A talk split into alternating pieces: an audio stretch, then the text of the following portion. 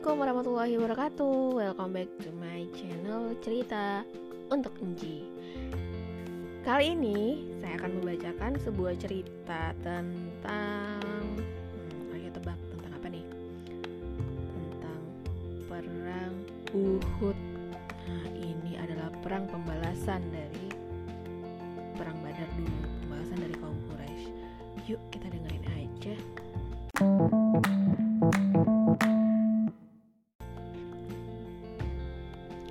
Kekalahan di Perang Badar sangat amat menyakitkan hati kaum Quraisy, sehingga mereka menyiapkan aksi balas dendam. Mereka ingin menghancurkan umat Islam, maka dikumpulkan pasukan yang lebih besar. Perlengkapan perangnya lebih canggih dan lebih komplit. Bahkan, nih, wanita Quraisy juga ikut serta mereka ikut menabuh gendang, bernyanyi untuk membangkitkan semangat dari pasukan Quraisy. Kelompok perempuan ini dipimpin oleh Hindun, istri si Abu Sufyan. Nah, itu tuh yang paling sakit hati tuh. Dia ingin segera membalas dendam karena karena karena karena apa? Karena Hindun banyak kehilangan orang yang dicintainya. Nah, salah satunya itu ayahnya saudaranya mati pada waktu perang Badar kemarin. Nah, pasukan Quraisy itu kemudian berangkat menyerbu Madinah. Jumlah pasukan mereka itu mencapai 3000 orang. Wow. Kali ini dengan perlengkapan perang yang sangat-sangat bagus. Ada 200 pasukan berkuda, 700 orang yang memakai baju besi, Bahkan mereka juga membawa 3000 ekor unta. Abbas bin Abdul Muthalib sedang berada di Mekah. Paman Nabi itu mencemaskan keselamatan umat Islam. Dia amat menyayangi keponakannya, Nabi Muhammad. Abbas kemudian menulis sepucuk surat, isinya menenangkan rencana penyerangan kaum Quraisy. Dia juga menjelaskan kekuatan pasukan kaum Quraisy yang sangat besar itu.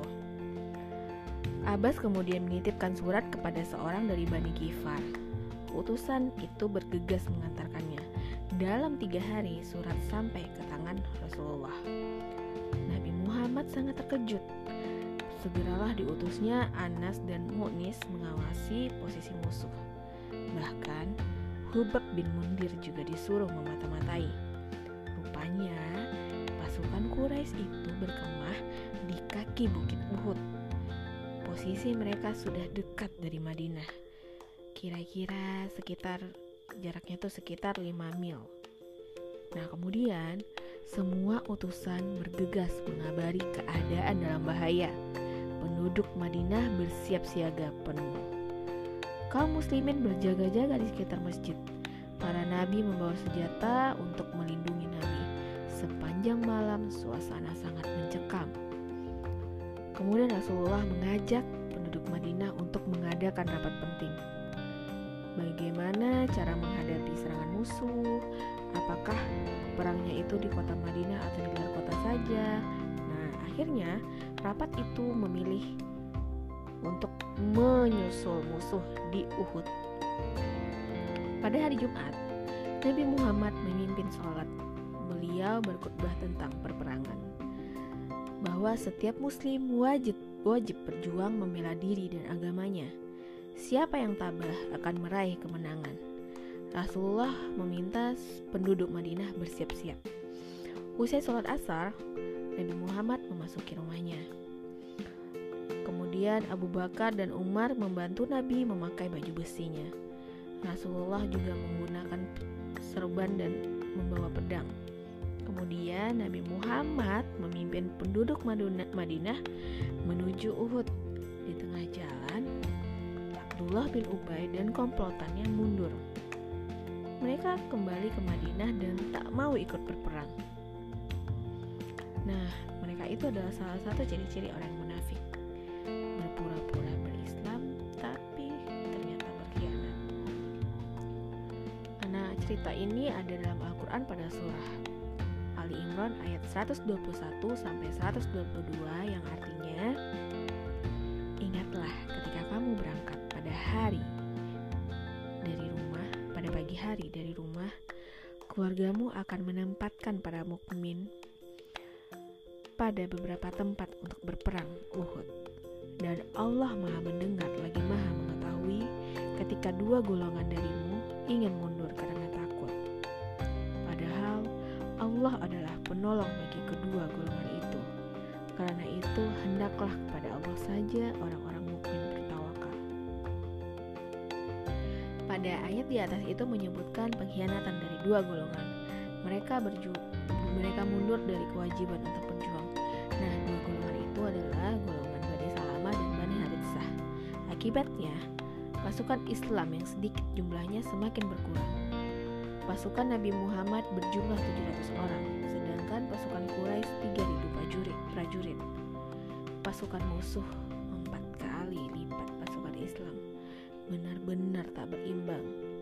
Nah, Kalian pernah dengar tentang Bani Solamah dan Bani Haritsah ini pernah disebut pada saat ceritanya Aisyah istri Nabi Muhammad. Mereka adalah para pengkhianat yang mundur uh, untuk berjuang di jalan Allah. Nah, kita lanjut ya. Pagi-pagi sekali, pasukan Islam diatur barisannya oleh Nabi Muhammad. Kemudian Nabi mengatur 50 orang pemanah mereka mengambil posisi di lereng-lereng Bukit Uhud. Pasukan pemanah mendapat tugas khusus. Mereka melindungi pasukan Islam dari serangan belakang. Nabi berpesan, "Kalian bertugas memanah pasukan berkuda musuh. Bertahanlah kamu di tempat itu. Jangan ditinggalkan. Kalau kami dapat menghancurkan musuh, jangan kalian tinggalkan tempat itu." Kalau kami yang diserang, jangan pula kami dibantu. Kalian harus tetap di sana. Nah, strategi perang itu ha, sangatlah jitu. Harus ada pasukan pemanah yang mengusir pasukan musuh, sehingga pasukan Islam terlindungi dari serangan arah belakang. Maka, pasukan pemanah harus mematuhi perintah. Jangan meninggalkan lereng bukit apa pun yang terjadi. Akhirnya, pasukan Quraisy dan kaum muslimin sudah berhadapan. Orang-orang Quraisy teringat kekalahannya waktu di Badar, sehingga dendam mereka semakin membara. Inilah saat untuk membalas dendam, katanya. Kaum muslimin hanya mengingat pertolongan Allah.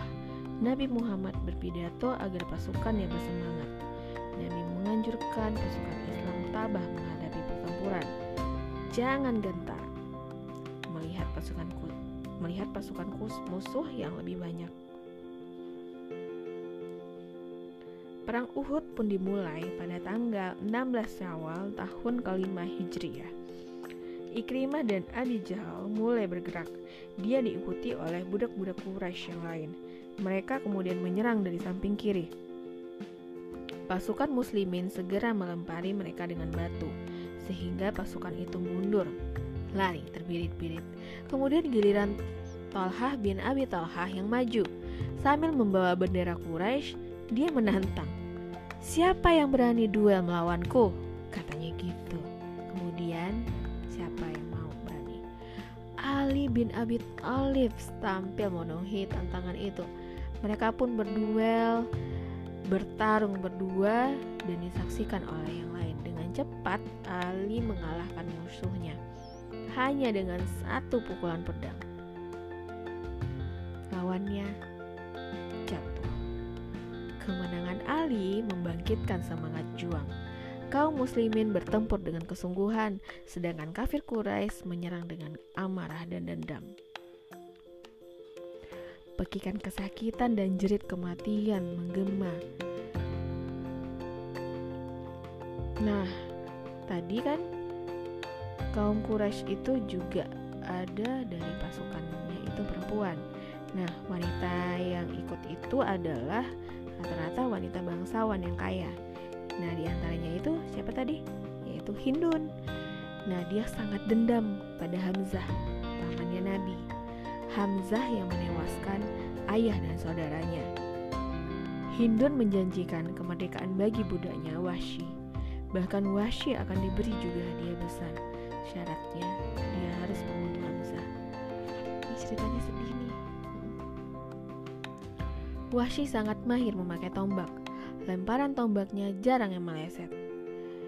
Nah, satu hal lagi, dia sangat ingin merdeka dari perbudak perbudakan. Oleh sebab itu diterimanya lah tawaran Hindun. Wasi ikut dengan perang Uhud, tapi tak ikut bertempur beramai-ramai. Dia hanya berkeliling arena perang mengincar Hamzah. Dia melihat Hamzah bertarung gagah berani. Orang-orang Quraisy sampai kewalahan untuk menghadapinya. Tapi Hamzah tak menyadari bahaya yang mengancam. Washi menghunus tombaknya. Dia melakukannya dari belakang. Dia benar-benar pengecut. Saat Hamzah lengah, dia melemparkan tombaknya sekuat tenaga. Tombak itu mengenai perut Hamzah. Ksatria Islam pun tumbang dan mati syahid. Sang pahlawan mati terhormat di. Wahsy kemudian mencabut tombak dari perut Hamzah. Lalu ia kembali kem ke kemah. Dia tak ikut berperang. Tujuannya cuma ingin membunuh Hamzah. Dia hanya ingin merdeka. Perang Uhud masih berlangsung dengan dahsyat. Para pahlawan Islam berjuang gagah perkasa. Kafir Quraisy menjadi kacau balau. Mereka tak kuasa menahan laju pasukan Islam orang-orang Quraisy mulai melarikan diri. Kaum muslimin tetap mengejar mereka. Kaum Quraisy terpaksa meninggalkan harta bendanya. Tapi sayangnya sebagian pasukan Islam berubah sikap. Mereka justru lengah dan memperebutkan harta yang ditinggalkan oleh musuh. Kaum muslimin lupa untuk mengejar musuh Allah. Mereka hanya mengejar harta, kesenangan duniawi karena harta yang diperebutkan itu ternyata sangat banyak. Pasukan pemanah dari lereng bukit juga terpengaruh. Mereka berlarian ke bawah ikut memperebutkan harta benda. Mereka lupa pesan Rasulullah. Abdullah bin Jubair berseru supaya jangan ikut turun bukit karena itu melanggar perintah. Tapi hanya sekitar 10 orang saja yang bertahan. Sebagian besar sudah ikut berebut kekayaan dunia. Pasukan berkuda Quraisy melihat kelemahan itu. Mereka balik menyerbu melalui, kaki bukit Uhud. Tak ada yang menghalangi karena pasukan panah tak ada lagi di bukit Uhud. Pasukan berkuda itu mengacaukan barisan muslimin. Komandannya kemudian berteriak memanggil pasukan Quraisy yang lain. Pasukan Quraisy yang tadi mundur kembali maju bersama ramai. Mereka menyerbu seperti banjir besar kaum muslimin terkejut. Mereka tak siap menerima serangan balik. Kaum muslimin melepaskan harta tadi yang mereka perebutkan. Dengan susah payah, pedang dan tombak kembali dihunus. Tapi kesadaran itu sudah terlambat. Barisan pertahanan kaum muslimin sudah hancur dan kacau balau. Pasukan Quraisy dengan leluasa menghantamkan senjata. Satu persatu, muslimin tewas. Sebagian pasukan Islam berdiri melindungi Nabi. Mereka lah orang-orang yang beriman teguh. Mereka tak ikut memperebutkan harta benda. Kafir Quraisy beramai-ramai mengepung Rasulullah. Nabi dihujani tembakan anak panah. Pasukan Quraisy menyerang dengan sabetan pedang. Tombak-tombak pun memburunya batu-batu mengenai Nabi Muhammad. Hingga di tubuh Rasulullah banyak luka, bahkan dua gigi gerahamnya copot. Para pejuang Islam yang tebuh teguh iman dan tetap bertahan, mereka menjadikan punggungnya sebagai tameng dari serangan panah. Serangan batu ditangkis dengan tubuh mereka.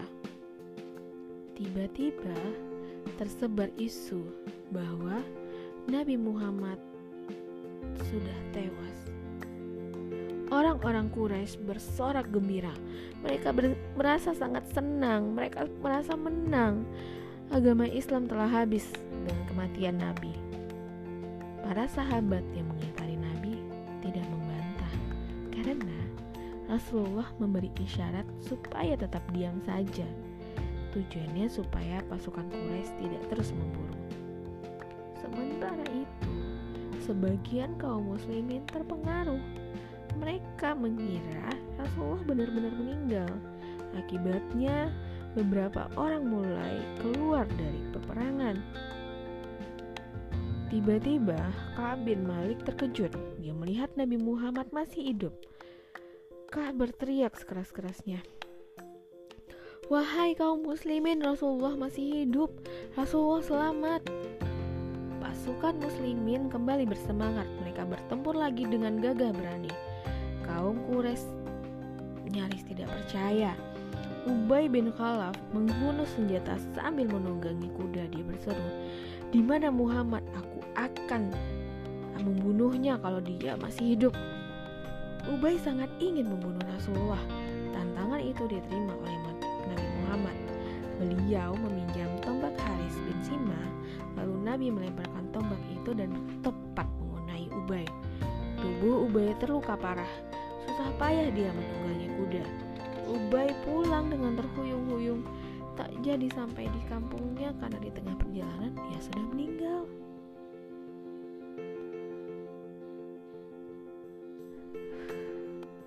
Dua rantai besi penutup muka menghujam wajah Rasulullah. Abu Hubaidah mencabut besi itu hingga dua gigi seri Nabi Muhammad pun copot. Perang pun berakhir dengan banyak korban di kalangan muslimin. Pihak Quraisy merasa telah berhasil balas dendam. Kemudian Abu Sufyan pun berseru, yang sekarang ini untuk peristiwa di Perang Badar kemarin Sampai jumpa lagi tahun depan, katanya gitu. Tapi Hindun tak berhenti begitu saja. Dia tak puas hanya dengan kematian Hamzah. Hindun dirasuki bisikan setan. Jenazah Hamzah dianiayanya. Hindun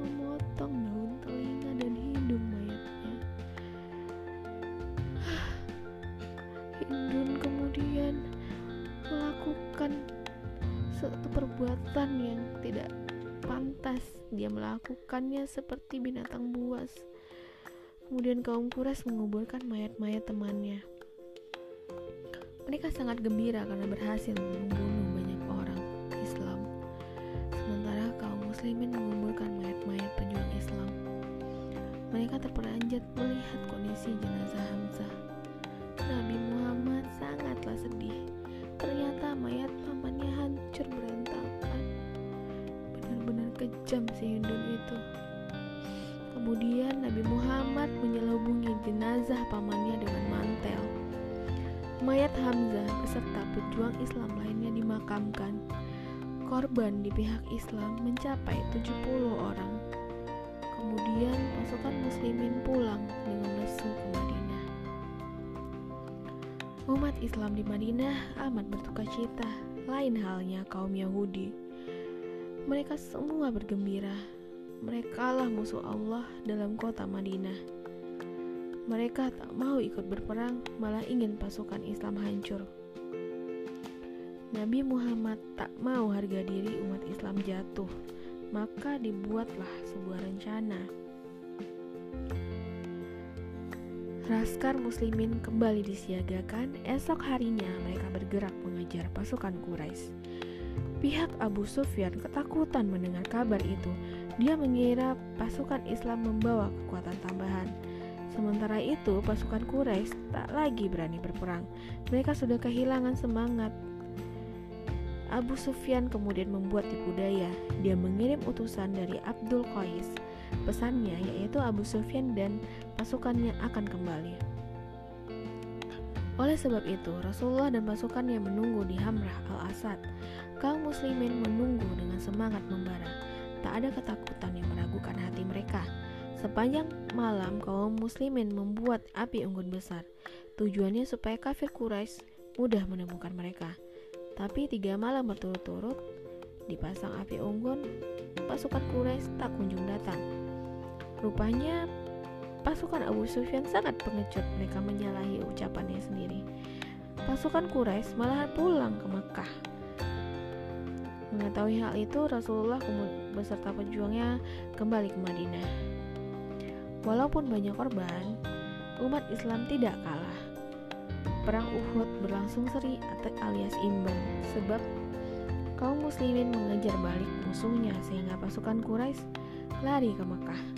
Namun, ada pelajaran yang berharga bagi kita semua, yaitu jangan pernah tamak dengan harta benda karena bisa menghancurkan. Dan kesalahan di perang Uhud tak boleh lagi berulang. Nah, teman-teman, itulah dua perang yang sangat bersejarah pada zaman Nabi Muhammad, yaitu perang Uhud dan perang Badar. Semoga kita bisa mendapat pelajaran dari cerita tersebut. Assalamualaikum warahmatullahi wabarakatuh.